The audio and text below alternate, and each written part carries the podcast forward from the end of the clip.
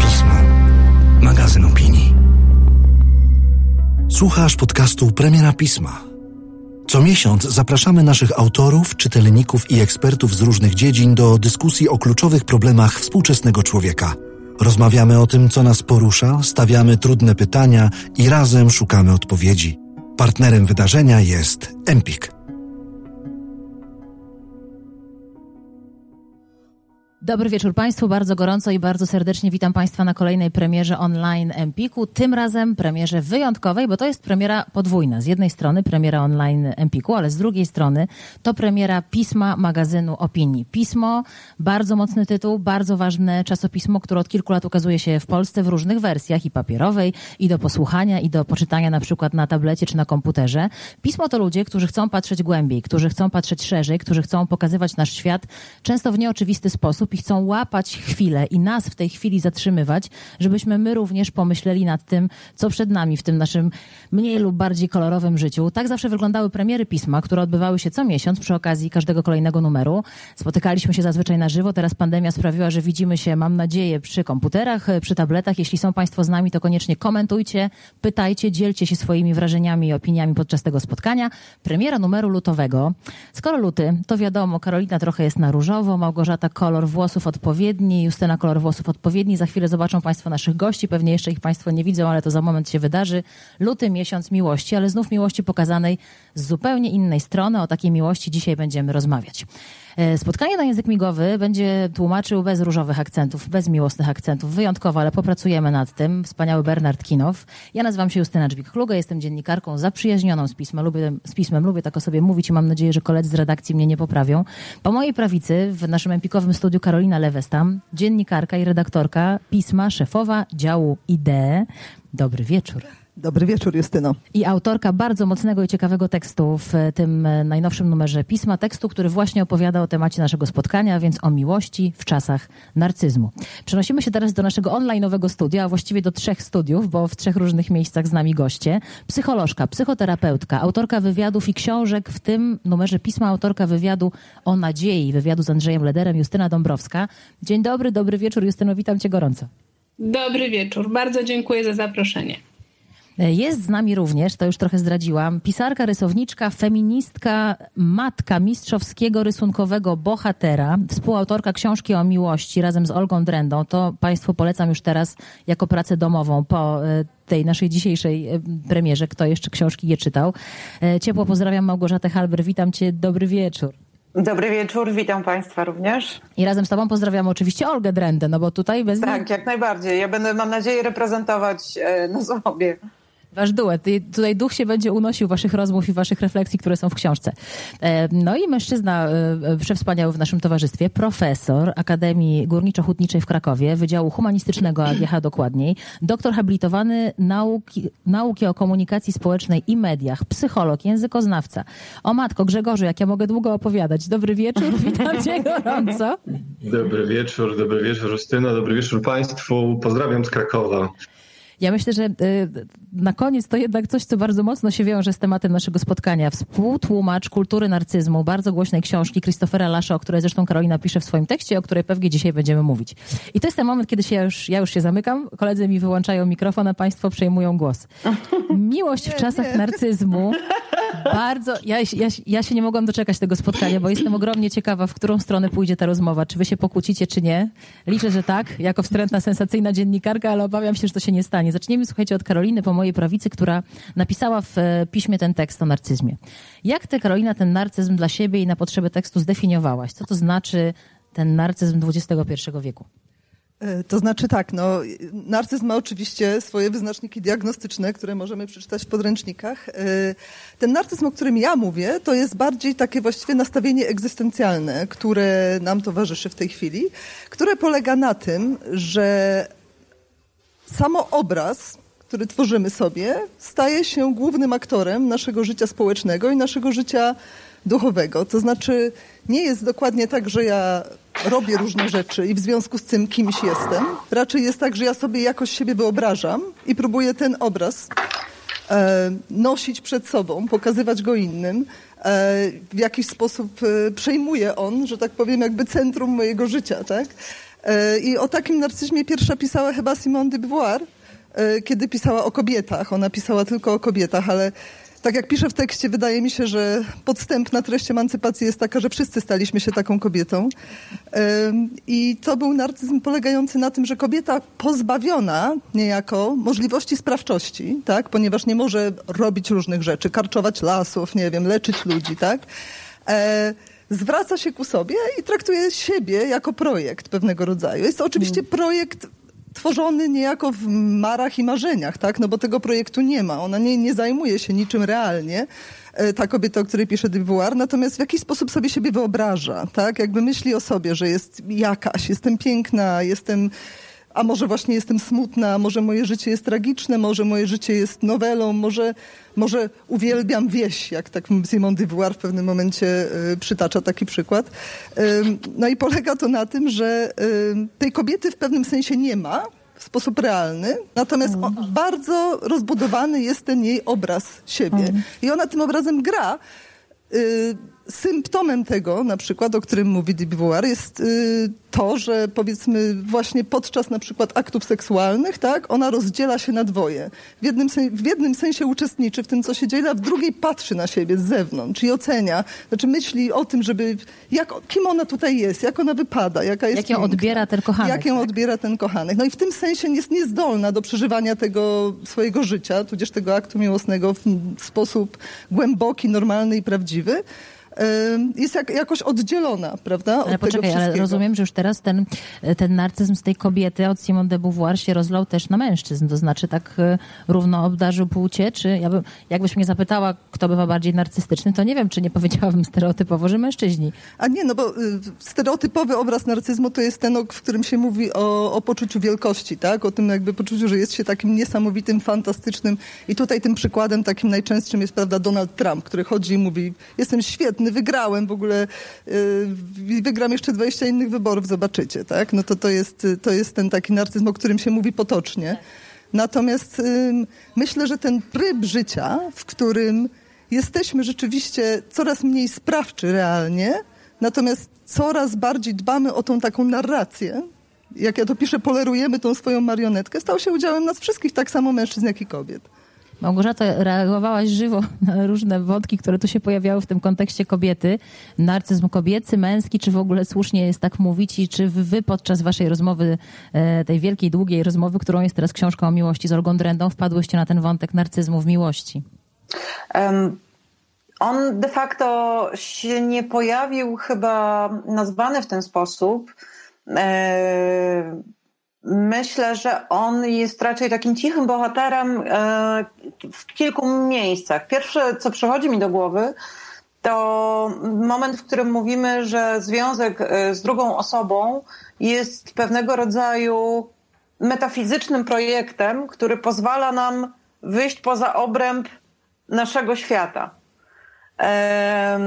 czyli w tej, e, jakby tak pojmowany, byłby pewnego rodzaju remedium na ten, na ten narcyzm, ale to byłaby już ta taka czysta miłość trochę, o której, o której właśnie mówił i pisał Viktor Frankl i ja się tam na niego powołuję, bo on mówił o tym, że zakochujemy się w drugiej osobie w całości i ona jest jakby pewną, pewną ideą, która nas, która nas gdzieś tam pociąga.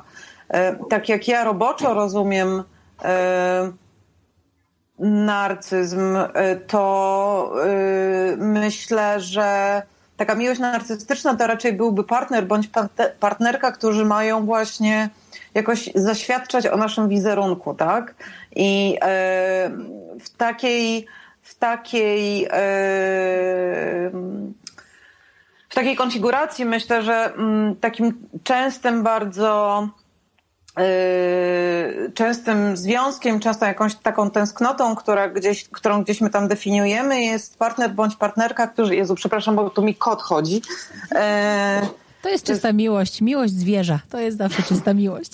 A Freud właśnie mówił przemoc... o kotach. Kot, Freud właśnie pisał o kotach, że są narcystyczne i to w nich tak, kochamy. Tak, to prawda, to też rzeczywiście. A to tak w dygresji. Okej, okay, eee, ten kod jest przemocowy, więc to nie ma. E, w, każdy, w każdym razie, wracając do, do e, e, wątku, mam wrażenie, że może być tak, że nasz partner ma w pewien sposób świadczyć o nas, tak? I myślę, że mm, raczej wiązałabym to świadczenie o nas z pewnego rodzaju statusem.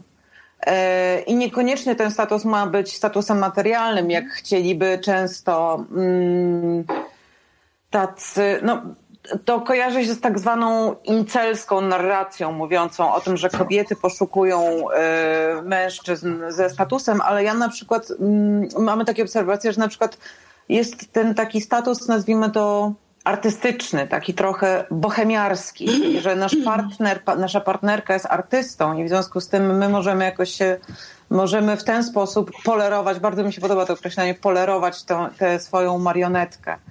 Natomiast koniec końców taka, taka, tak jak my ją rozumiemy, taka miłość, y, do której i taki związek, taka spółdzielnia, o której my piszemy, mhm.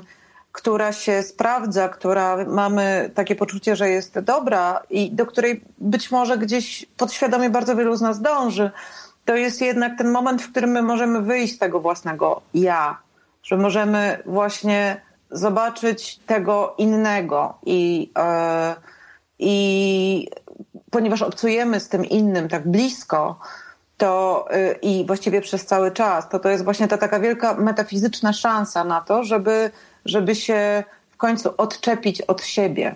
No to, to tyle.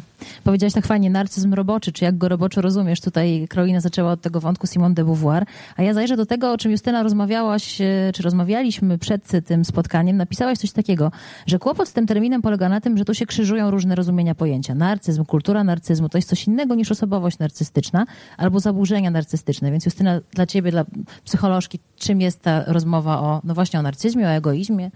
Mm, no to jest, to jest rozmowa o wielu rzeczach naraz, mhm. prawda? Bo on y, Zawsze inaczej będzie... Zawsze o miłości.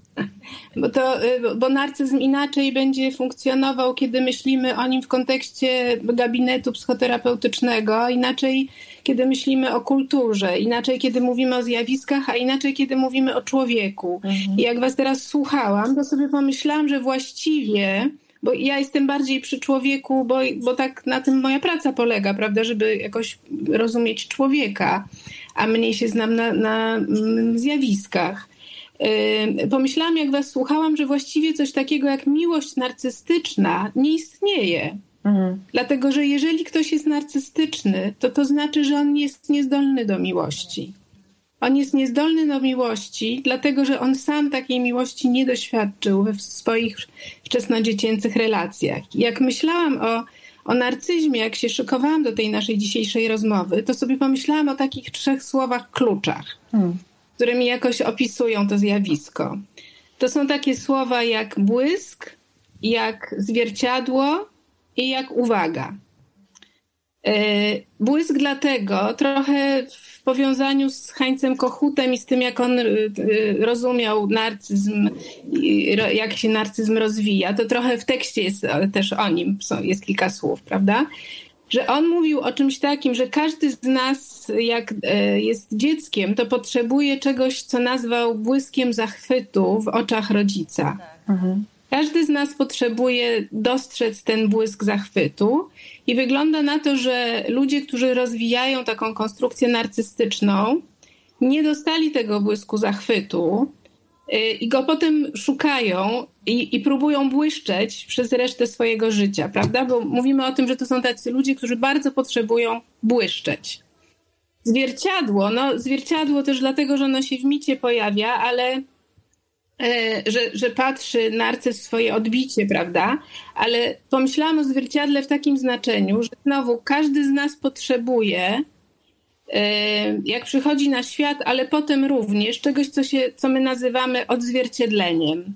Odzwierciedlenie to jest, że jest pod, my potrzebujemy odpowiedzi na nasze istnienie. Mhm. Że ja teraz do was mówię, a y, Małgorzata kiwamy głowami, kiwa głową, tak? głową, ktoś pan, pan Grzegorz jest taki trochę zafrasowany, ja sobie mogę myśleć, jak ja jestem odbierana, jesteśmy w interakcji. Mhm. Jeżeli by wasze twarze były zamrożone i nieruchome i martwe, to ja bym czuła duży niepokój, mimo że już naprawdę jestem w latach i nie, nie muszę być tak bardzo odzwierciedlana. Dziecko potrzebuje widzieć reakcję, odpowiedź. I wygląda na to znowu, wracając do naszego narcyza, że osoby narcystyczne nie dostawały odzwierciedlenia, czyli nie dostawały żywego odbicia w, nie tylko w oczach, ale w ogóle w, jakby w odpowiedzi drugi, z, ze strony drugiego ważnego człowieka. Widzę cię, rozumiem cię. Aha, czyli z tobą jest tak i tak. E, to odzwierciedlenie jest czymś, co nas buduje. To znaczy pomaga nam się dowiadywać, kim my właściwie jesteśmy. Osoby, które rozwijają taką narcystyczną konstrukcję, nie wiedzą, kim są. Bo to co, to, co widziały, to nie odbicie siebie, tylko na przykład jakiegoś projektu właśnie. Ktoś, y, rodzic sobie niespełniony muzyk, tak? Bardzo taka, taka mm, historia typowa, wręcz banalna. Niespełniony muzyk patrzy na swoje dziecko i wychwytuje te momenty, kiedy dziecko sobie podśpiewuje albo się dotknie do instrumentu i wtedy ten rodzic jest zachwycony i bije brawo i mówi tak, wspaniale, to, to nasz, to będzie nasz solista, prawda? Rozumiecie o co mi chodzi? Tak, jasne. A uwaga? E, a uwaga, no bo to jest ta trzecia rzecz. Osoby narcystyczne tak pragną uwagi, prawda? Chcą być zauważone, chcą być widziane. E, no i znowu, uwaga to też jest coś, czego my potrzebujemy. Jakaś taka przestrzeń, w której my możemy właśnie czuć się zauważeni czy docenieni. I, to każdy z nas to ma. To jest jakoś ludzkie i, i, i zwyczajne. Natomiast osoby narcystyczne ciągle pragną tej uwagi, bo są jej, bo, bo jej nie dostały, bo, bo tu jest jakaś taka dziura, taki głód. Więc wracając do początku, bo już strasznie mówię długo i rozwlekle, yy, to wszystko sprawia, że ten ktoś, kto jest z taką dynamiką narcystyczną, on ciągle potrzebuje, prawda, szuka tego potwierdzenia, tego, yy, tego, no, tego zwierciadła, żywego, żywego zwierciadła. Więc może innego używać tylko jako, jako przedmiotu, kogoś, kto go będzie potwierdzał. Więc nie może wejść w relację miłosną, która polega mhm. na wymianie. Kropka. E, z tym czasem to spokojnie. Ja bardzo y, lubię, jak dziennikarze tak kończą. Musimy już kończyć, bo kończy nam się czas. Ja tak nie skończę tego spotkania, możecie na to liczyć, więc naprawdę take your time. Ale ja patrzę na Grzegorza, bo tak za, zaintrygowałaś mnie tym, że Grzegorz taki wycofany. Co tam się, co tam się z tym Nic takiego dzieje? nie powiedziałam. Zafrasowany. Zafrasowany, no właśnie. E, Grzegorz, ja ciebie zapytam o tę perspektywę kultury narcyzmu, jako współtłumacza takiej książki, jako badacza komunikacji społecznej, bo Justyna mówiła o tym punkcie człowieka, z doświadczeń gabinetu, pewnie psychoterapeutycznego czy psychologicznego. Jak to wygląda w tej definicji kultury narcyzmu? Czy ona nas zjada?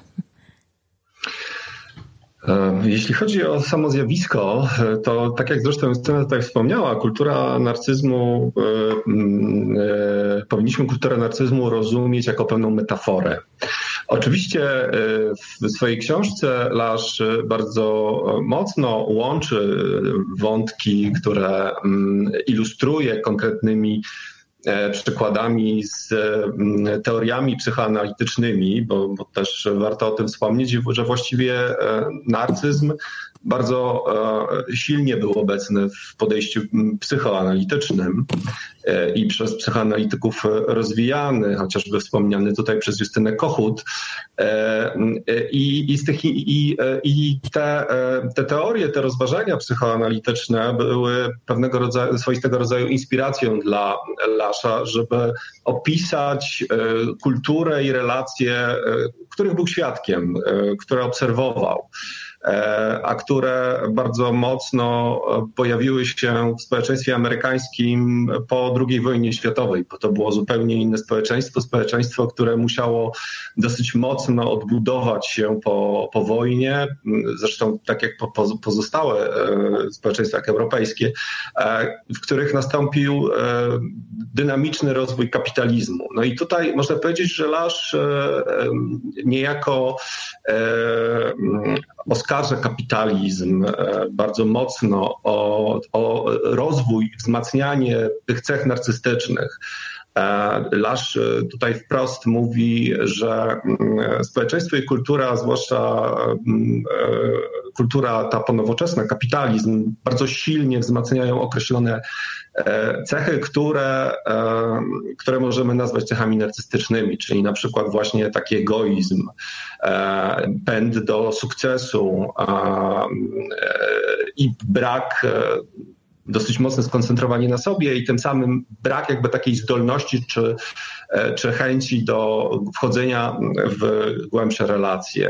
On oczywiście e, jako że jest historykiem, e, z dużym sentymentem podchodzi do, te, do, do, społeczeństwa, którego już nie ma, ponieważ on dosyć mocno akcentuje, że pewne instytucje sprzyjały wspólnotowości. Można w, te, w tym eseju, bo, bo jego książka jest e, takim dosyć obszernym esejem, e, można zauważyć, że u niego przejawia się taka tęsknota do e, wspólnotowości, że on tęskni za wspólnotowością, jednocześnie pokazując, że ta amerykańska kultura e, lat 60., 70. to jest kultura dosyć mocno zindywidualizowana. To jest kultura, w której liczą się, e, liczą się te cechy, które no właśnie, o, których wspomniałem, czyli to skoncentrowanie zbytnio na, zbytnio na sobie i na e, kultura, której towarzyszy brak relacji, brak więzi e, głębokich. Tak by to mm -hmm. Wyglądało. wyglądało. Powiedziałeś Grzegorz o tym, że Lasz oskarża kapitalizm o ten rozwój narcyzmu, to ja bym też rzuciła jakieś oskarżenie. Chociaż odłożę ten narcyzm na chwilę na bok, bo myślę sobie, że to, o czym mówicie, to też idzie w stronę takiej kultury egoizmu, indywidualizmu. Nie wiem, czy to pojęcie narcyzm nie jest za mocne na przykład, czy ten narcyz jednak, bo nie wszyscy może jesteśmy narcyzami, ale jesteśmy wszyscy bardzo skupieni na sobie. Co nam pokazują social media? Wszyscy wrzucamy, wrzucamy swoje selfiki. Co robisz? Gdzie jesteś? W windzie? Ty, ty, ty, czyli ja, ja, ja. Cały czas ludzie mają taką potrzebę relacjonowania na TikToku swojego życia. Nauczyłem się tańczyć, pokazuję to, tak? Idziemy na randkę, mamy dwie osoby. Jedna siedzi w swoim smartfonie, druga siedzi w swoim smartfonie. Na ile rozwój mediów masowych, takiej komunikacji, internetu, tych szybkich e, też przekazów mm, i tego przekonania, że to, co mnie tyczy, jest takie cholernie ważne, jakie to jest strasznie ważne, to gdzie ja mam widzieć tę drugą osobę? Tak, ale y, ja myślę, że y, zanim zaczęliśmy tę rozmowę, to Małgorzata napisała takiego maila, w którym bardzo słusznie zauważyła, że y, przecież tak naprawdę o autokreacji. Nie mówimy tylko w przypadku, kiedy jesteśmy bardzo nakierowani na, so, na siebie i mówimy, jesteśmy tacy super piękni, proszę zobaczcie, jakiego mam ładnego kota, prawda? To są też te sytuacje, w których na przykład mówimy, Boże, kolejna straszna rzecz mi się wydarzyła, prawda? Och, prawda, nikt mnie nie lubi na całym świecie, jestem samotną po prostu jednostką. Yy, to też są jakby elementy autokreacji, prawda? I ja, chcesz odejść od narcyzmu teraz, ale ja myślę, że to właśnie nie, spokojnie, spokojnie. sprzyja, sprzyja właśnie tej tej dwoistości wewnętrznej, prawda? Kiedy jesteśmy jakąś tam niezdefiniowaną magmą, natomiast jakby tworzymy się na zewnątrz w tej zewnętrznej narracji. W tej zewnętrznej narracji ona może być przecież cudowna, tak? I opowiadać, jacy jesteśmy fantastyczni, ale może też być właśnie, wiesz, jestem właśnie Mater Dolorosa, tak? Jestem najsmutniejszym człowiekiem na ziemi. Ja miałam taką koleżankę, dla której chyba jeden z takich naj lepszych dni to było wtedy, kiedy zgubiono jej indeks na rozdaniu indeksów na, na bo wtedy jeszcze był indeks w zamieszłych czasach, ponieważ ona stwierdziła, że to właśnie pokazuje, jaka ona jest zawsze zagubiona i niewidziana, prawda? Więc ona też miała tą swoją narrację i to była, to była część tej jej autokreacji. myślę, że to, że możemy te wszystkie rzeczy wrzucać do sieci, to po prostu powoduje, że tym bardziej możemy się a, oddzielić od tego swojego obrazu, prawda? Mm -hmm. Widzieć, siebie na, widzieć siebie z zewnątrz, a, a, a sami nie być, tak jak mówiła Justyna, prawda? Nie mamy tego, tej realnej możliwości kontaktu, kontaktu mm -hmm. natomiast mamy tą ciągłą możliwość autokreacji i to media społecznościowe na pewno w tym pomagają. No. No a gdzie jest ta druga osoba w takim razie? To znaczy, to co powiedziałaś, to jest też ciekawe, że ja mam takie wrażenie, że różnych rzeczy oczekujemy od tej drugiej osoby, w zależności od tego, czy pokazujemy, jak pięknie wyglądamy na wczasach, gdzie oni teraz wszyscy jeżdżą, na Zanzibar, e, albo czy pokazujemy, że Boże, zgubiłam indeks, jestem załamana, tak? Czyli, że z jednej strony trochę takie niech mnie ktoś przytuli, a z drugiej patrzcie na mnie, ale to zawsze jest ta uwaga, o której mówiła Justyna, jaka, jaka by ona nie była. Ciebie chciałam też, Małgorzata, zapytać o, o to, na ile to jest jakaś wina w cudzysłowie, no nie wiem, czy, czy tych mediów społecznościowych, czy te, takiej łatwej dostępności i czy tu w ogóle się robi jakieś, miejsce, znaczy gdzie widzisz miejsce dla drugiej osoby, no bo miłość to jest miejsce dla drugiej osoby. E, czy ono tutaj w ogóle się gdzieś wyłania, czy tylko ona pełni funkcję narzędzia dla nas tak naprawdę? Ja, tro, ja trochę lubię używać takiego, takiego sformułowania baumanizacja dyskursu, bo y, mam takie poczucie, że jest gdzieś, unosi się jakaś taka teza, która mówi o tym, że media społecznościowe to jest jakieś takie straszne zło, to jest, ja mam wrażenie, że to jest komunał. Media społecznościowe, straszne zło, które karmi kulturę narcyzmu. I mam wrażenie, że to jest już komunał powtarzany co najmniej od 10 lat. E, chciałabym zwrócić uwagę na pewne mm, elementy. Mianowicie, po pierwsze, na to, że e, jest że media społecznościowe, ja bym chciała zaproponować taką, taką to, trochę nietypową perspektywę, mm, sięgając do, do nowożytnej etyki, e, do filozofii, e, uwaga, uwaga, Spinozy, e, który podkreślał istnienie takiego pierwiastka jak konatus. On nie, nie, on nie, nie on jeden, tak naprawdę, ale u niego w filozofii to było bardzo takie ważne. Takie zjawisko, które się nazywało konatus essendi. E, już rozwijam. Chodzi o to, że każdy z nas ma e, pewne, pewną swoistość, pewną sobość, że tak powiem, i jego automatyczną potrzebą jest realizacja tej sobości tej swoistości jak najbardziej na zewnątrz. I ona jest jakby e, ona jest starsza niż e, social media. No jasne. I one w pewien sposób nam to w pewien sposób nam to oczywiście tylko umożliwiają, żeby robić to i jeszcze bardziej i na jeszcze innych polach E, natomiast wydaje mi się, że też nie demonizowałabym aż tak bardzo e, tego, czy to jest trochę tak, że my, e, że tam nie ma miejsca na relacje, ponieważ my to, jest, to są media społecznościowe, tam jest społeczność. My mamy swoich znajomych i nie tylko E, oczywiście, niektórzy korzystają. Ja myślę, że to jest trochę tak, że każdy z nas korzysta z tego w trochę inny sposób. E, plus, oczywiście, to nieuświadomione e, polerowanie swojej marionetki, będę się tego trzymać. Nieuświadomione w tym sensie, że możemy nie zdawać sobie sprawy z tego, że w jakiś sposób mimo wszystko to musi być kreacja. W sensie nie, nie ma możliwości, żeby to nie była kreacja. Ale tak samo kreacją mimo wszystko, znowu, żeby nie demonizować, żeby, żeby, ten, żeby ta, ta baumanizacja dyskursu tutaj nie następowała. To my jednak cały czas kreujemy jakoś swój wizerunek um, i jakby siebie, produkując treści i tak dalej. Um, i chciałabym jeszcze tylko, y, no, no, chciałabym jeszcze dodać, o Jezu, chociaż boję się, że mi uciekła myśl i też jestem strasznie ciekawa, y, co, co Justyna powie na ten temat. Właściwie tak, też ja jestem też... ciekawa, ja też jestem ciekawa, co Justyna powie na ten temat.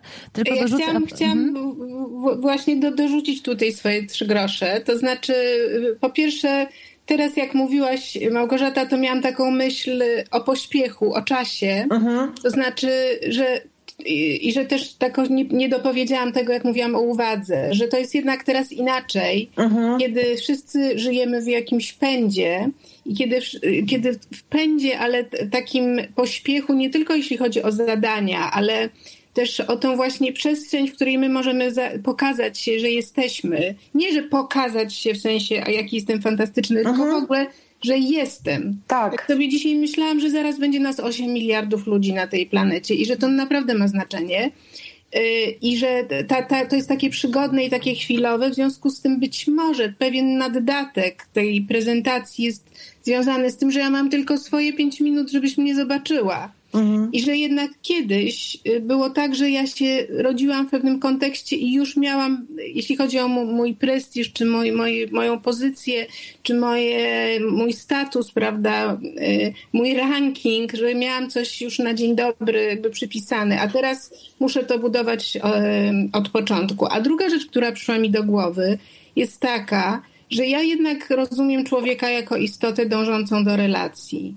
Mhm. I że y, tak, rzeczywiście zgadzam się i też to obserwuję, że jest dużo takich różnych egoizmów i egocentryzmów, ale widzę to bardziej jako reakcję na trud życia mhm. i na to właśnie, że ludzie są zostawieni sami sobie, że przeżywają siebie jako zbędnych, że ja pracuję z kobietami w okresie okołoporodowym, słuchajcie, z kobietami, które są w ciąży i stają się matkami i ja widzę ich zmaganie i, i widzę, jak one często przeżywają przede wszystkim uczucie izolacji, osamotnienia. Mhm. Tak? tak, no więc jeżeli jeśli... mogę... Nie, przepraszam, tylko chciałam dodać, bo y, to, to fascynująca musi być ta praca, pracowanie z tymi matkami, dlatego że to jest taki moment, kiedy rodzi się dziecko. Przynajmniej dla mnie to był taki moment, kiedy nagle nie znajduję się w centrum, prawda? I póki jeszcze jestem w hmm. ciąży, to jakby przynajmniej ludzie kładą mi rękę na brzuchu. Niestety. I co jest bardzo denerwujące, ale przynajmniej to jestem ja, tak? A, a potem już to dziecko odchodzi i nagle wszyscy się na nim skupiają i ponieważ późno chyba dojrzewamy, ja przynajmniej tak, tak późno dojrzałam, dla mnie to był szok, tak? Że mhm. ludzie jakby nie patrzą już na mnie. Także to jest też ten moment, kiedy nagle trzeba się e, zmierzyć z tym brakiem uwagi, z tym, że ta uwaga nie jest dla nas zawsze.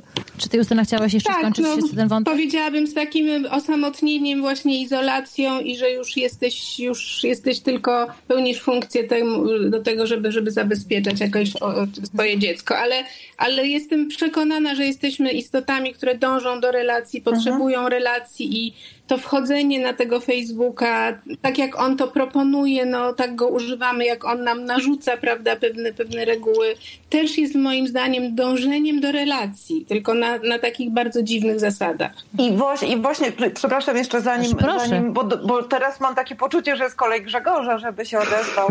E, nie, nie, nie, jest, nie jest to rozpisane w ten sposób, nie mamy takiego scenariusza, spokojnie. Ale chciałam dodać y, właśnie w tym kontekście, że jedyny niebezpieczny niebezpieczeństwo, które ja widzę e, w social mediach, wynika z tego, że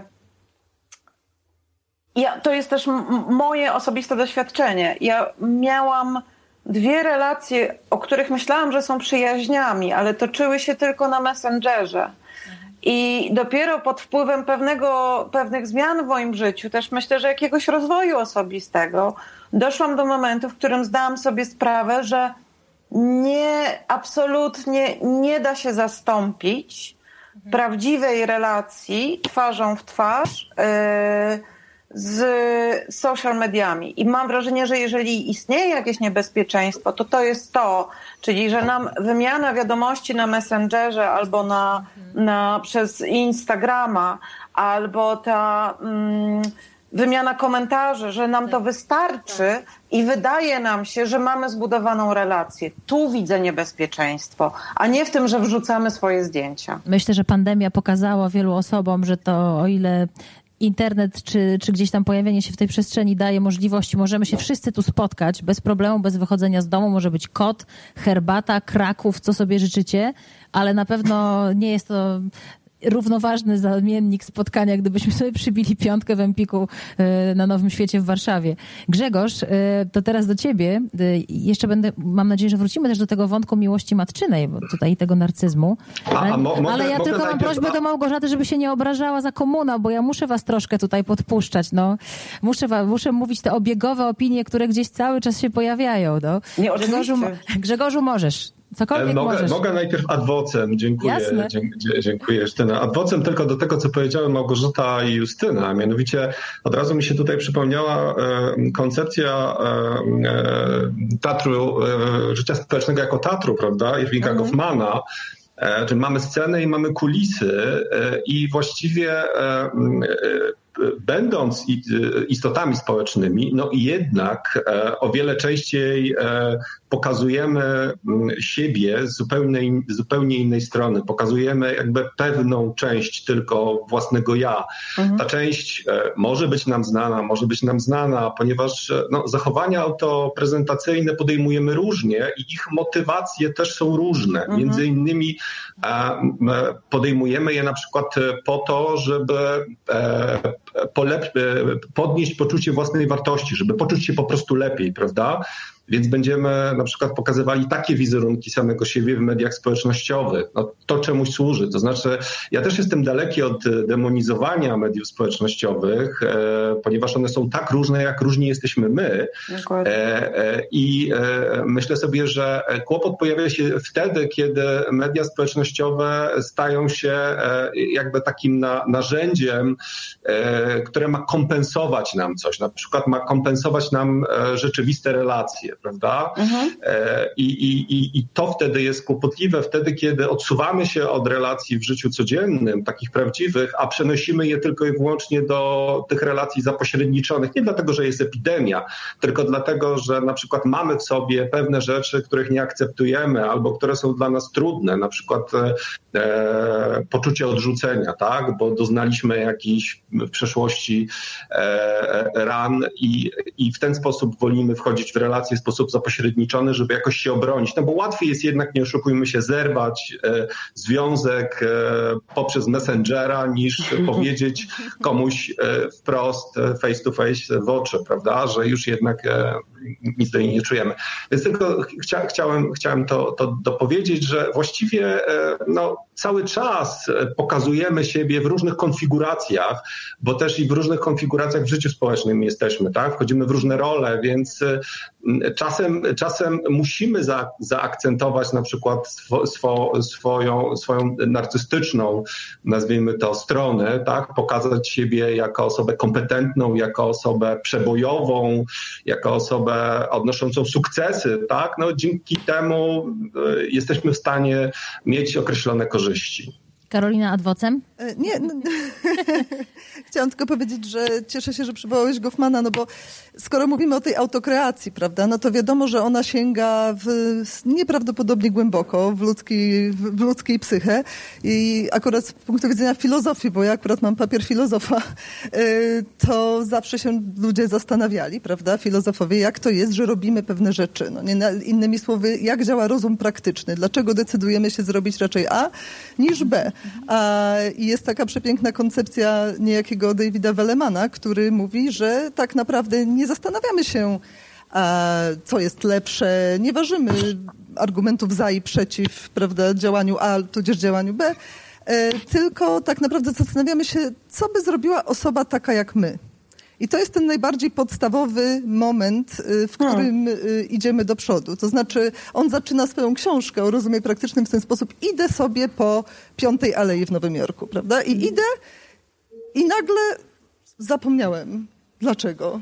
Idę, nie? I jakby jak wracam do siebie z takiej konfuzji kompletnej. Wracam do siebie z tej konfuzji w taki sposób, że zapytuję się, hmm, taki David Welleman, gdzie on by szedł tą piątą aleją? E, prawda? I to jakby powraca do tego o, i, i to pokazuje, że to, o czym ja tam w tym tekście pisałam, prawda, o tym narcyzmie, że my tak siebie oddzielamy i patrzymy na siebie z zewnątrz, oczywiście to jest gra na kontinuum. I na bardzo podstawowym poziomie e, każde działanie społeczne i myślenie o, się, o sobie w kontekście społecznym dopomina się o jakąś narrację, prawda? Dopomina się o jakąś kreację. E, natomiast no, być może czasami przybiera to e, takie rozmiary, które zapobiegają nam wejścia, wejś, zapobiegają wejściu w te, w te głębokie, prawdziwe relacje. No i wtedy to już jest problem. No właśnie, o tym porozmawiajmy. Zostawmy teraz na, gdzieś tam tego narcyza, go, miejmy go oczywiście i narcyzm, ale skupmy się teraz na miłości. Ja pamiętam z różnych spotkań z psychologami, z psychoterapeutami takie zdanie. I nie wiem też, czy ty, Małgorzata, gdzieś tego z Olgą nie poruszasz, że żeby kogoś pokochać prawdziwie, trzeba najpierw pokochać siebie. Dobra, to czekajcie, bo najpierw chciałam, żeby o tym powiedziała Justyna. Dlaczego, dlaczego twoim zdaniem Justyna Małgorzata zareagowała o Boże? O. Co jest no to niedobrego to w tym zdaniu? to może ty powiesz, ja nie będę mówić za ciebie. Czemu o Boże? Bo mm, po pierwsze, y, po pierwsze, to tutaj znowu właśnie to też ta filozofia w praktyce, to jest zdanie, które ma bardzo dużo pustych zmiennych. To znaczy, y, niech po prostu konia z rzędem temu, kto mi powie, co to znaczy pokochać siebie. Możemy mówić o akceptowaniu siebie, lubieniu siebie, wyrozumiałości w stosunku do siebie, ale co to znaczy pokochać siebie? Nikt tego nie wie, oprócz oczywiście tej takiej pop psychologii rodem z, no właśnie nawet nie wiem skąd, bo, bo to jest mnie bardzo często się to, to zdanie pokutuje po prostu i ja naprawdę niewiele jest rzeczy obecnie, bo już jestem jednak osobą coraz starszą i w związku z tym coraz bardziej pokorną, ale niewiele jest rzeczy, które tak automatycznie budzą moją agresję, jak to właśnie zdanie. Może brak, usta brak ustawy o planowaniu przestrzennym, to jest druga rzecz. E, I te dwie. Dobre, dobre zestawienie, to, to ciekawe mnie. Na, mnie nauczono, że osoba, która nie otrzymała y, tych danych, który, które świetnie Justyna zdefiniowała na samym początku, tak. czyli uwagi, za, zauważenia, tak? Zauważenia też w tym, w tym rozumieniu zwierciadła, czyli o, ty jesteś taki, tak? Jakby i za to cię cenię. To masz dziwne. Tego być może nie lubię, ale to nie powoduje, że ja cię neguję jako osobę, tak? Dopiero kiedy poczujemy, że ktoś nam da te rzeczy, tę uwagę i tę czułość yy, i, i zrozumienie, yy, no to wiemy, co to jest w ogóle.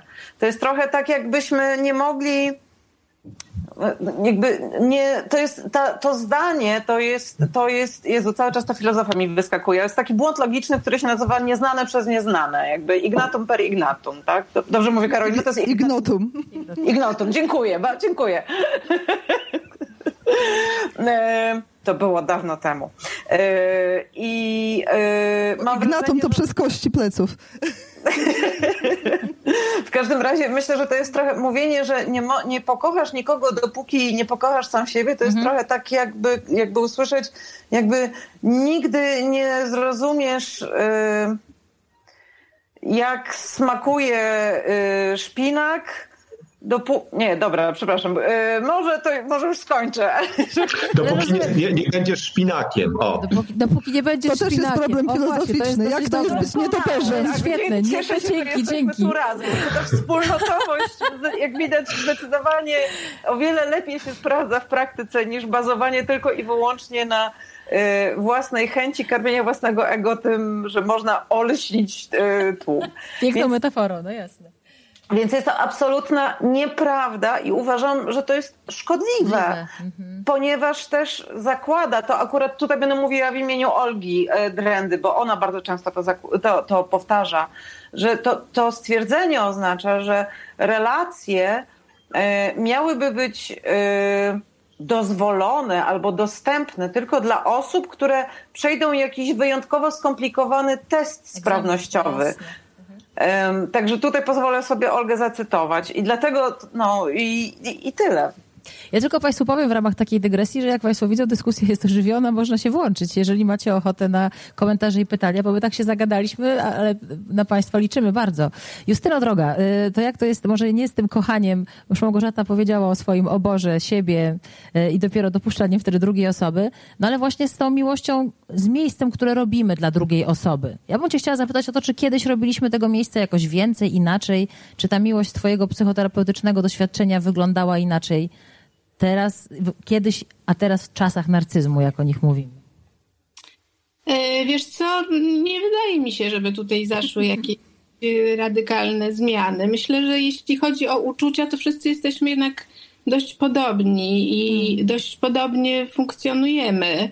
E, I bym powiedziała, że trudno jest wchodzić w relację miłosną komuś, kto takiej miłości znowu czasie, w swoim okresie wczesnodziecięcym nie doświadczył, chociaż to też nie jest tak, że to by determinowało całe nasze życie. To jest, zgadzam się z Anną Fra e, Freud, która powiedziała, że życie to jest trochę tak jak partia szachów, czyli że otwarcie jest bardzo ważne, ale nie determinuje całej partii. Mhm. Czyli to, co gdzieś na, na początku nas spotyka, jest istotne, ale potem mamy jeszcze wiele szans, żeby to jakoś y, zostało zreperowane. Nawet jeśli nam się na początku nie powiodło, bo mogliśmy spotkać różnych innych ludzi, którzy nas kochali, mhm. kochali wystarczająco dobrze, zauważali, rozumieli. Rozumienie tu jest, myślę, istotne. Mhm. Więc, żeby wchodzić w relacje miłosne, to myślę, że trzeba mieć jakieś takie bazowe zaufanie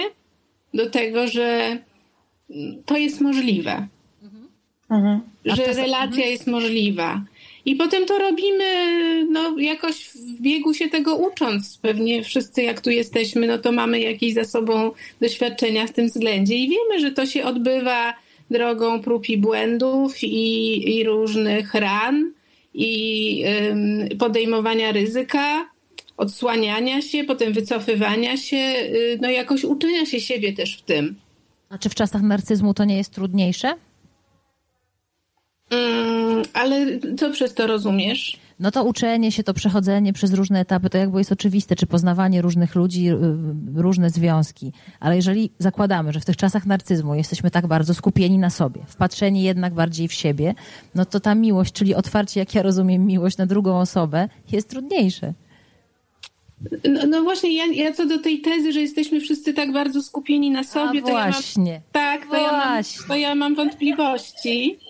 Tak, bo Doskonale, gdyby tak było, w kosmos tą tezę, dawaj. Gdyby tak było, to byśmy wszyscy byli bardzo zdrowi, bardzo szczupli, bardzo fit, wysportowani i w ogóle świetnie byśmy się czuli, prawda, jakbyśmy tak sobie poświęcali uwagę, żeby tak dobrze funkcjonować. Nie. Myślę, że, że jest bardzo wielu ludzi, którzy są bardzo wygłodniali, tak jak powiedziałam na początku, którzy przeżywają jakiś rodzaj deficytu i poszukują właśnie relacji, i poszukują tego drugiego człowieka, ale też z takim doświadczeniem jakiegoś zawstydzenia, czy hmm. tak to, co też jest w opisie narcyzmu, że tak naprawdę to obserwujemy kogoś, kto pozornie jest bardzo pewien siebie, tak. ale tak naprawdę wewnątrz przeżywa dużo takiego właśnie pustki wewnętrznej, poczucia zażenowania, zawstydzenia, nie wie kim jest, nie zna siebie, nie ma poczucia tożsamości, prawda? Jest y, tego potrzebuje tego drugiego, żeby go potwierdzał, bo sam w środku, jak tam gdzieś zagląda, to no właśnie tam jest jakieś takie, tam jest pustka, tam jest próżnia. Ja bym chciała sprawdzić, co Grzegorz sądzi o tej tezie, którą właśnie Justyna była łaskawa wysłać gdzieś na inną planetę, ale zobaczymy, czy jeszcze gdzieś tam resztkami sił się trzyma, przyklejona. E, no bo o tym rozmawiamy. To jest temat naszego spotkania. Miłość w czasach narcyzmu. Tak zakładamy, że te czasy, no właśnie, czy słusznie Grzegorz zakładamy, że to są te czasy narcystyczne w rozumieniu samouwielbienia, wpatrzenia w siebie. Czy ta metafora miejsce, Lasza jeszcze działa dziś? Gdzie to miejsce dla tego drugiego człowieka jest? Hmm. To może zanim na to pytanie spróbuję odpowiedzieć, to tylko e, powiem, że jednak mimo wszystko miłość i narcyzm e, łączy jeszcze jedna rzecz, o, o, której tutaj sobie nie powiedzieliśmy, a mianowicie głód miłości. To znaczy, narcyz jest też niezdolny do miłości, dlatego że on bardzo, ale to bardzo mocno i z jednej strony pragnie, a z drugiej strony bardzo się boi odrzucenia. E, stąd też on e, jest po prostu pomiędzy, tak? pomiędzy pragnieniem miłości, a lękiem przed odrzuceniem. Dlatego to jest dla niego takie bardzo trudne. Jeżeli mówimy oczywiście w tych kategoriach takich czysto diagnostycznych, tak? no bo też e, zaczęliśmy od tego, że...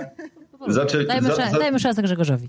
Zaczęliśmy też od tego, że właściwie samo pojęcie narcyzmu jest wieloznaczne, jest, e, e, jest nie do końca dobrze określone, bo mówimy i o zaburzeniu, mówimy o osobowości narcystycznej, mówimy o kulturze, e, o kulturze narcyzmu.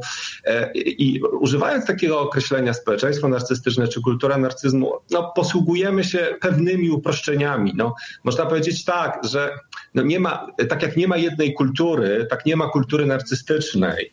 No bo E, przecież e, to określenie tak naprawdę w dużej mierze pasuje do e, społeczeństw wysoko rozwiniętych i to jeszcze w dodatku tak zwanych kultur indywidualistycznych, mhm. gdzie właściwie jesteśmy bardzo skoncentrowani na sobie. Natomiast no, ono nie pasuje do kultur kolektywistycznych, które właściwie funkcjonują zupełnie według innego modelu. Więc e, no tutaj już chociażby e, ma, mamy jedną taką rzecz, na którą wa, warto jest zwrócić, e, zwrócić uwagę. Więc czy, czy, stąd, stąd myślę sobie, że mm, no, niektórzy używają określenia społeczeństwo narcystyczne czy kultura narcyzmu. No ta metafora jest, można powiedzieć, bardzo medialna, bardzo nośna, dobrze się sprzedaje. Natomiast no, jest dużym uproszczeniem, dlatego że no tak jak zresztą e, Justyna tutaj powiedziała, no gdybyśmy, gdybyśmy te, tak naprawdę wszyscy byli narcyzami, to no rzeczywiście byśmy, zwłaszcza tymi e, dobrze funkcjonującymi, tak, tak zwanymi e, zaadaptowanymi do społeczeństwa, to byśmy naprawdę wszyscy e, mieli ogromne sukcesy i byli zadowoleni z życia, ponieważ ten narcyz taki dobrze funkcjonujący, on funkcjonuje w zupełnie innym modelu i schemacie. On sobie świetnie radzi w życiu, także w relacjach z innymi. To, to, to, to tylko tyle, co, co, na co chciałem zwrócić uwagę, bo tu pojawił się las rąk. Dziewczyny Małgorzata... się włączają. To Karolina na początek, proszę. Karolina, Małgorzata. Tak. Las rąk. Nie, bo ja się tak zastanawiałam. A ja się tak zastanawiałam, y, jak. No, oczywiście jest tak, że nie jesteśmy wszyscy narcyzami, tak? I to jest wszystko jakaś tam uogólnienie, metafora i tak dalej, i tak dalej. Natomiast a propos tego, że jednak w jakiś troszeczkę inny sposób funkcjonujemy, myśląc o sobie y, w świecie bardzo wirtualnym, to mm, chciałam powiedzieć jedną rzecz. Rozmawiałam z taką, ten fragment wyleciał z mojego tekstu, ale rozmawiałam ze świetną młodą artystką Igą Świeściak, która się zajmuje właśnie autokreacją i jakby tymi mechanizmami wszystkimi. Y, I ona mi opowiadała właśnie o tym, jak jak y, aplikowała o różne granty artystyczne i mówi, że w większości przypadków po prostu tak, ponieważ wszystko odbywało się online, była tak skupiona na tym, jak wygląda, ponieważ miała to okienko gdzieś tam, że jakby patrzyła się głównie na siebie, a nie na tych ludzi, do których mówiła. Y, I oczywiście zdała sobie z tego sprawę i zaczęła to kontrolować i na to patrzeć. Y, i, i, i mówiła, że no właśnie większości tych grantów nie dostała. To znaczy, a była jedna taka rozmowa, która ją na tyle wciągnęła, że zapomniała patrzeć na siebie i ten grant dostała. E, I myślę sobie, że coś w tym jest, jakby ten grant to może być taka metafora relacji tutaj tak naprawdę, mhm. że y, w pewien sposób, y, ja rozumiem, że to jest straszny banał, że trzeba pokochać siebie i w ogóle też uważam, że to jest kompletna bzdura. Natomiast jakby taki banał mój, który ja sobie jakoś tam stosuję, to jest taki, że żeby być w prawdziwej relacji, to trzeba umieć na chwilę zapomnieć o sobie. Po prostu tak. jakby w jakimś sensie nie być na sobie skupionym. I jeżeli tak, tak potrafimy tak, po prostu no jakby nie przejmować się tym projektem, jakim jest na przykład Karolina Lewestam czy Małgorzata Halber przez chwilę, prawda? To wtedy istnieje ta możliwość y, dostania grantu, tudzież właśnie prawdziwego połączenia z drugim człowiekiem. I wydaje mi się, że tutaj trochę rzeczywiście jednak bym winiła y, to nasze życie online'owe, tak? Że mamy bardzo dużo okazji spoglądania w to lustro bokiem i patrzenia, jak wyglądamy, ile dostaliśmy lajków, albo na przykład teraz, y, nie, jak tutaj się prezentujemy. Gdybyśmy byli normalnie na normalnym spotkaniu, prawda, ja nie widziałabym siebie na ekranie, a teraz siebie widzę i ja naprawdę co jakiś czas spoglądam, jak to wygląda, nie? No i spokój, my się tak z daleka widzimy. To e, no to ma, bardzo małe to jest, nie? No ale jakby było większe, to bym częściej patrzyła i mi się wydaje, że to się powiększa. Tak naprawdę, metaforycznie. Małgorzata? Ale ale, znaczy, już od razu chcę odpowiedzieć Karolinie oczywiście, e, to może to uczynię, a potem e, coś, co przyszło mi do głowy. I dlatego podniosłam, e, podniosłam rękę do góry. Bo też ja bym troszkę nie demonizowała, to znaczy wydaje mi się, że to, że zerkamy na siebie, kiedy widzimy lustro, kiedy widzimy siebie w jakby, nie wiem, wchodzimy do windy i widzimy lustro, tak? I zerkamy na siebie, się poprawiamy. Nie jestem psychologiem z wykształcenia, wydaje mi się, że to są jakieś takie mechanizmy w miarę naturalne tak naprawdę. No oczywiście myślę, że patologia zaczyna się w momencie, w którym zamiast wysiąść na czwartym piętrze, jedziemy na dziewiąte, bo tak się w siebie zapatrzyliśmy. Eee... Ja myślę, że już nigdzie nie jedziemy i to jest właśnie ten problem.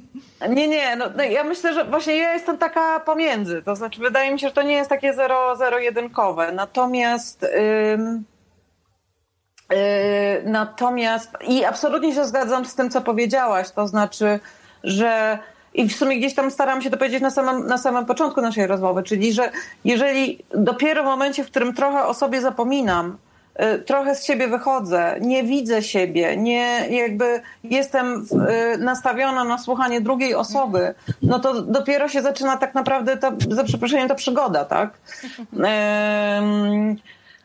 I nie dlatego, że mogę odpocząć od siebie na chwilę, tylko dlatego, że po prostu druga osoba, że ta rozmowa, którą na przykład tutaj prowadzimy, jest, jest y, ciekawa. Ja z, przyjemnością słucham tego, co macie do powiedzenia, a nie czekam, aż zabiorę głos, z wyjątkiem tego, co chciałam powiedzieć przed chwilą. To teraz można, dobra. Y, bo nie jestem pewna, bo my mówimy o miłości w czasach narcyzmu i Grzegorz zwrócił uwagę właśnie na to, na, na, na to, Mm, że ten narcyz jest cały czas na tym głodzie.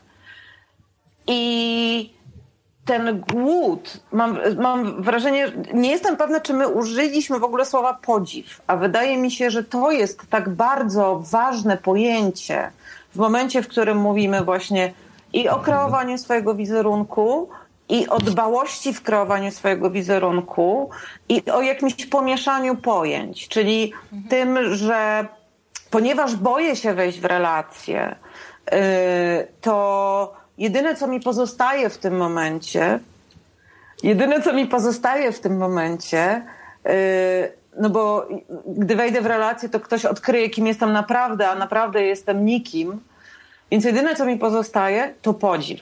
Czyli cały czas bardzo ciężka praca nad tym, żeby być podziwianym. Czyli znowu to statusowanie, tak?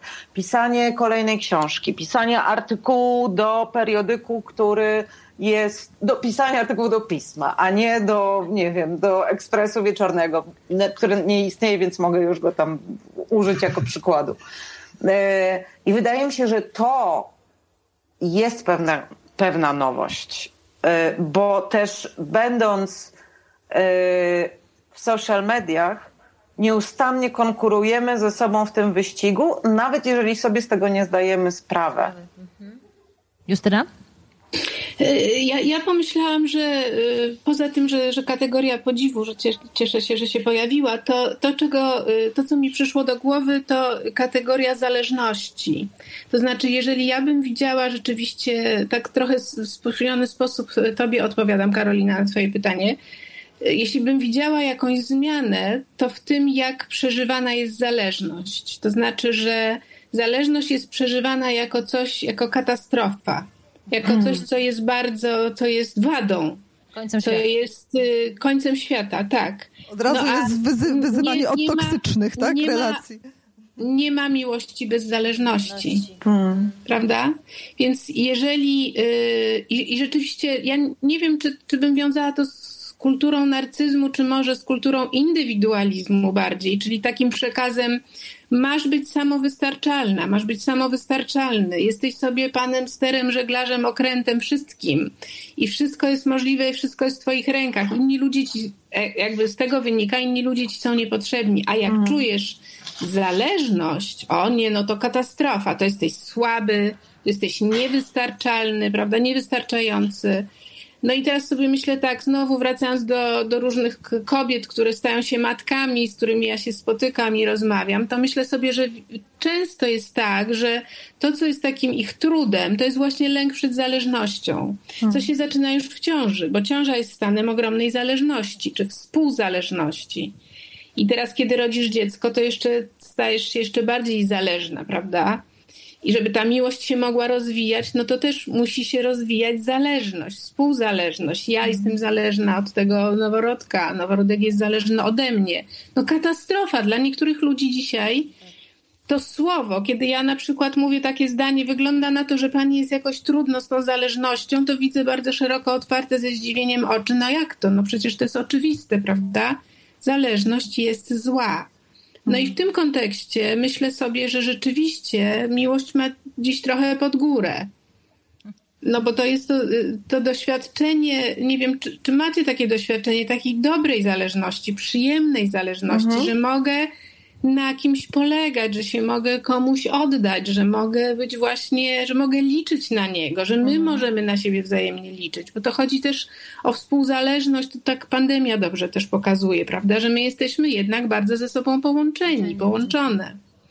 No, no i teraz cudowne, jak, no. przeży, jak przeżywasz zależność jako, jako coś strasznego, jako oznakę słabości, no to z miłością będzie ci ciężko. A dokładnie do tego moim zdaniem doprowadzają też nasze czasy, czy to, to, to, o czym powiedziałaś, że zależność to nawet mnie taki przeszedł dreszczyk na plecach, chociaż wydaje mi się, że jestem taką osobą rozumiejącą, czującą, słuchającą, kiedy powiedziałaś oddać się komuś w pełni, to jest takie hej, hej, ale może to nie, nie czy to jest dobry kierunek? Tak, ale w ogóle bardzo dziękuję, chciałam tylko podziękować za to, co mówisz, nie? Dla mnie to było w ogóle strasznie długa droga osobiście, żeby E, zrozumieć, że pewne rodzaje właśnie takiej wewnętrznej zależności, czy nawet jakby kawałki relacji rodzinnych, które na przykład chętnie by na mediach, e, znaczy w niektórych grupach na mediach społecznościowych, w których uczestniczę, zostały nazwane na przykład toksycznymi, tak, że to jest jednak że to są czasami części naturalne w naszej mhm. kondycji, tak? Jakby musimy być w takich relacjach i one są czasem ciężkie i, i, i trzeba to jakoś zaakceptować. Było to strasznie trudne dla lewaczki indywidualistki, jaką jestem, natomiast jakby tak. A mogę zadać pytanie panu Grzegorzowi? Chciałam zadać pytanie panu Grzegorzowi, ale ponieważ pismo jest współgospodarzem naszego spotkania, nie odbiorę autorce tego tekstu tej przyjemności. Karolina, ale jesteście proszę. po imieniu. Chciałam, żeby poważniej zabrzmiało. E, żeby podziw Grzegorz wzbudził większy. E, chciałam się zapytać, jakby, no, e, jak byś streścił dla takiego czytelnika pisma e, tą zależność, jaką Lasz między innymi y, rysuje między właśnie systemem kapitalistycznym a narcyzmem. Mógłbyś tak to powiedzieć, tak żeby, żeby to wybrzmiało pięknie? Mhm. Masz na to trzy minuty. E, mam na to trzy minuty. Na to rzeczywiście jest e, trudne zadanie, ale myślę sobie, że to, myślę sobie, że to, co to, na co warto zwrócić uwagę, to jest, e, to jest ten pęd do osiągnięć, który w kapitalizmie jest dosyć e, mocno obecny. Tak, słowo sukces e, bardzo mocno determinuje dzisiaj nasze zachowania. Oczywiście, tak jak mówię, kultura narcyzmu opisywana przez Lasza ma mnóstwo różnych odcieni, E, część e, tego, co on napisuje, tam jest zresztą taki ciekawy rozdział, w którym on zwraca uwagę na to, że właściwie ruchy feministyczne e, i ta wyzwolona seksualność lat 60. przyczyniły się do tego, że seks stanowi takie narzędzie instrumentalne, że ma charakter instrumentalny i dzięki temu ludzie oddalają się od miłości, oddalają się od bliskich relacji, a traktują siebie i, bardzo instrumentalnie. No oczywiście jest to dosyć, dosyć kontrowersyjne E, założenie i stwierdzenie, prawda? E, mo, może w latach 60. i 70. No, były takie E, były, były takie ruchy. E, no, dzisiaj, dzisiaj jednak e, feministki walczą o, o coś zupełnie innego, prawda? Inaczej to wygląda. Ale więc pęd do tych osiągnięć, głód sukcesu, potrzeba, no właśnie, to Małgorzata na, na tę kategorię zwróciła uwagę, o której też mówi Lasz, mianowicie potrzeba podziwu. Tutaj podaję za przykład celebrytów chociażby, tak? Właściwie pragną być podziwiani, są, są po to, żeby być podziwiani i tak naprawdę jest to, jest to puste, nic się za tym nie kryje. E, to, to, to, to kolejna, kolejna taka rzecz, która determinuje ten, ten kapitalizm. E, a mówi tam oczywiście też o, e, o tym wyścigu szczurów, czyli takiej dosyć, dosyć dużej rywalizacji, która jest nastawiona na osiągnięcie indywidualnego sukcesu, a nie współpracę między sobą. Więc jakby tych wątków, które on porusza, które jego zdaniem wyrastają z kapitalizmu i wiążą się z narcyzmem, narcyzmem, czy wzmacniają pewne cechy narcystyczne naszej osobowości, no jest, jest tych, e, tych wątków bardzo dużo. To ja, drodzy Państwo, mam teraz pytanie, już powoli płynąc do brzegu naszym okrętem e, dyskusji o miłości w czasach narcyzmu. Bardzo ciekawe pytanie od naszej Wicki, od e, Diany, która nas ogląda, która być może czyta pismo, która, która być może jest po lekturze tego tekstu Karoliny, e, która nawiązuje do wątku social mediów. Myślę, że muszę Ci, Diana, powiedzieć, że trochę pytasz to, o to, o czym ja też myślałam w moim pytaniu. Dobry wieczór. Chciałam poruszyć znowu kwestię social mediów, nieskończoności bodźców, które internet nam dostarcza i tego, jak to wpływa obecnie na relacje. Chodzi mi właściwie o to, żeby spytać naszych gości, czy uważają, że obecnie ciężej o trwałość i zdecydowanie w relacjach, bo dzięki nieskończoności możliwości oraz fałszywych wizerunkach, które kreujemy na portalach społecznościowych, wciąż szukamy lepszego modelu. Panie tak, można głowami, kto odpowiada? Można, Justyna. Można powiedzieć, że to, jest, że to jest kwestia, że to jest problematyka wyboru. Prawda? To znaczy, że Pamiętam swoją rozmowę z panią profesor y, Świdą Ziębą, która y, mi powiedziała w którymś momencie, no mówi tak, no przecież każdy wybór to strata. I pamiętam swoje uczucie wtedy, że ja naprawdę poczułam lęk. Jak to? Ona mówi coś takiego, każdy wybór to strata. I trochę mi zajęło, zanim to uwewnętrzniłam i, to, i, i zrozumiałam, no to, że dokładnie tak jest No i teraz co to znaczy? To znaczy, że jak wybieramy coś lub kogoś, to znaczy, że nie wybieramy tych wszystkich pozostałych. No i myślę, że to dzisiaj, w dobie, kiedy prawda, te wybory są takie po prostu możesz mieć wszystko, wszystko. Możesz, być, no możesz być wszystkim, co jest nieprawdą, że, że to jest taka obietnica, która jest iluzoryczna, ale że niektórzy tę obietnicę biorą na serio i wtedy rzeczywiście wybierając kogoś, mogą przeżywać taki lęk, że ale to znaczy jak to i to już jest wszystko? I to znaczy, że to jak będę z nią czy z nim, to już nie będę z tymi wszystkimi innymi pozostałymi? Da się Małgorzata nie, nie wybierać ciągle lepszego modelu w dzisiejszych czasach? Mm, to znaczy, ja, ja, bardzo jestem zawsze ostrożna z tymi dzisiejszymi czasami. E, z pewnością to, co y, mogę i o czym też o, o czym piszemy, e, i od czego właściwie gdzieś zaczyna się ta nasza książka o miłości. Ona przewrotnie zaczyna się od rozdziału pod tytułem Chcę mieć męża, ponieważ my. Mm, zaczyna się od tego, że czujemy, że przyznanie się do tego, że y, chce się być w trwałej relacji, y, uznawane jest za jakieś. Y, no właśnie.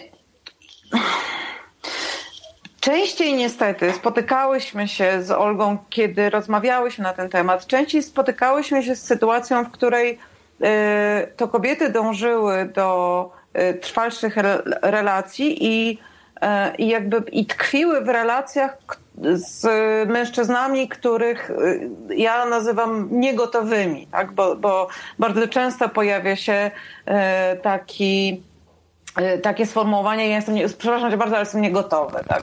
Czasami po trzech latach wspólnego związku na przykład.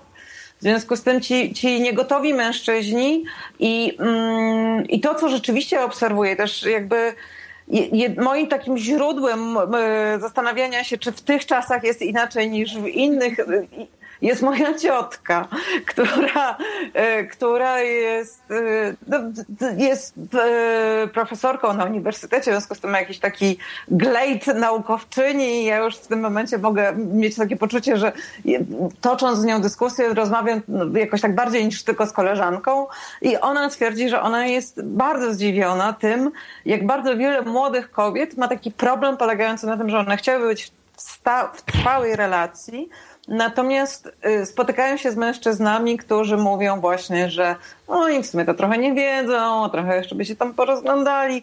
Ja bardzo chciałabym, bardzo wszystkich Państwa naprawdę przepraszam za tę generalizację, która się teraz pojawia. Ona wynika tylko i wyłącznie z tego, że my w trakcie pracy nad tą książką miałyśmy takie poczucie, że jednak jest tutaj pewnego rodzaju nierówność, jeżeli chodzi o postawy mężczyzn, mężczyzn i kobiet. Jeszcze raz bardzo przepraszam i kajam się, bo jestem pewna, w każdym razie um, myślę, że kiedyś wyglądało to o tyle inaczej, dlatego że y, małżeństwo jako instytucja służyło po prostu czemuś innemu i ono było chociażby w Polsce niezbędne do tego, nie do tego, że tam y, obyczaje każą i tak dalej. Ono było niezbędne na przykład do tego, żeby dostać mieszkanie. Moi rodzice wzięli ślub. Pamiętam, kiedy zapytałam ich, dlaczego wzięli ślub. Powiedzieli, że dlatego, że inaczej nie dostaliby mieszkania. A przecież nie chcieli mieszkać z moją babcią do końca życia.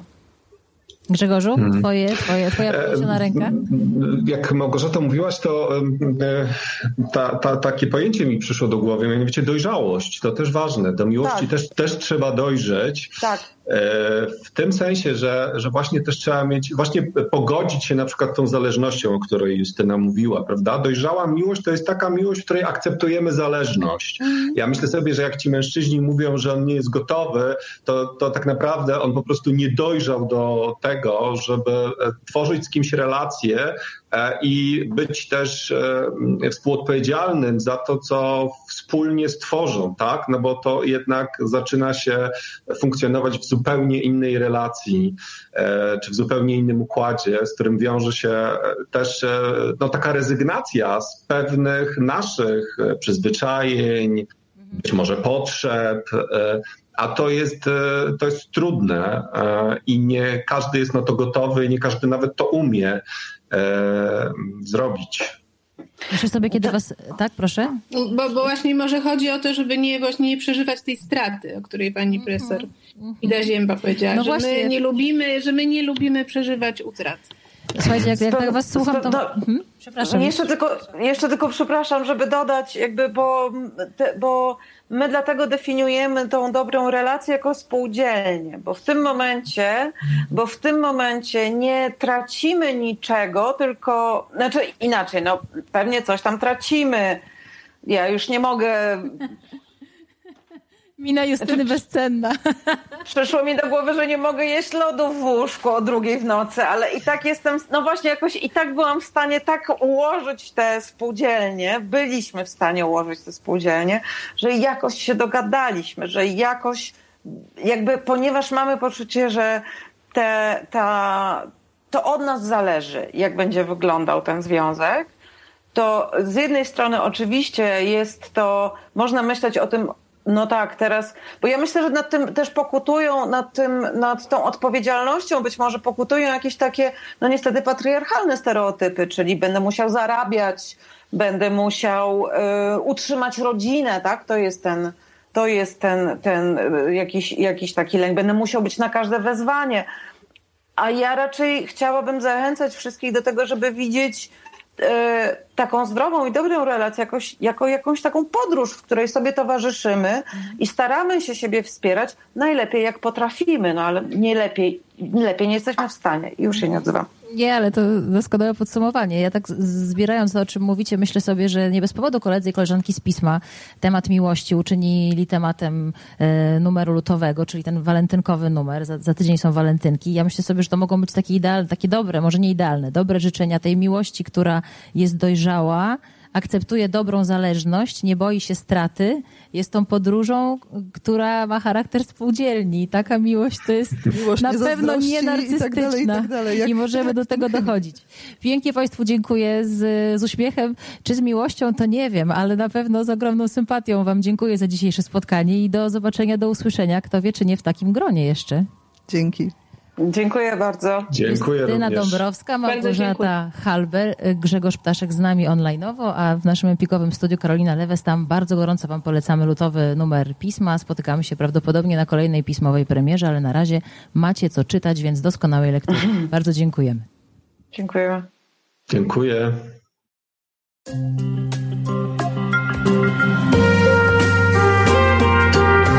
Pismo. Magazyn opinii.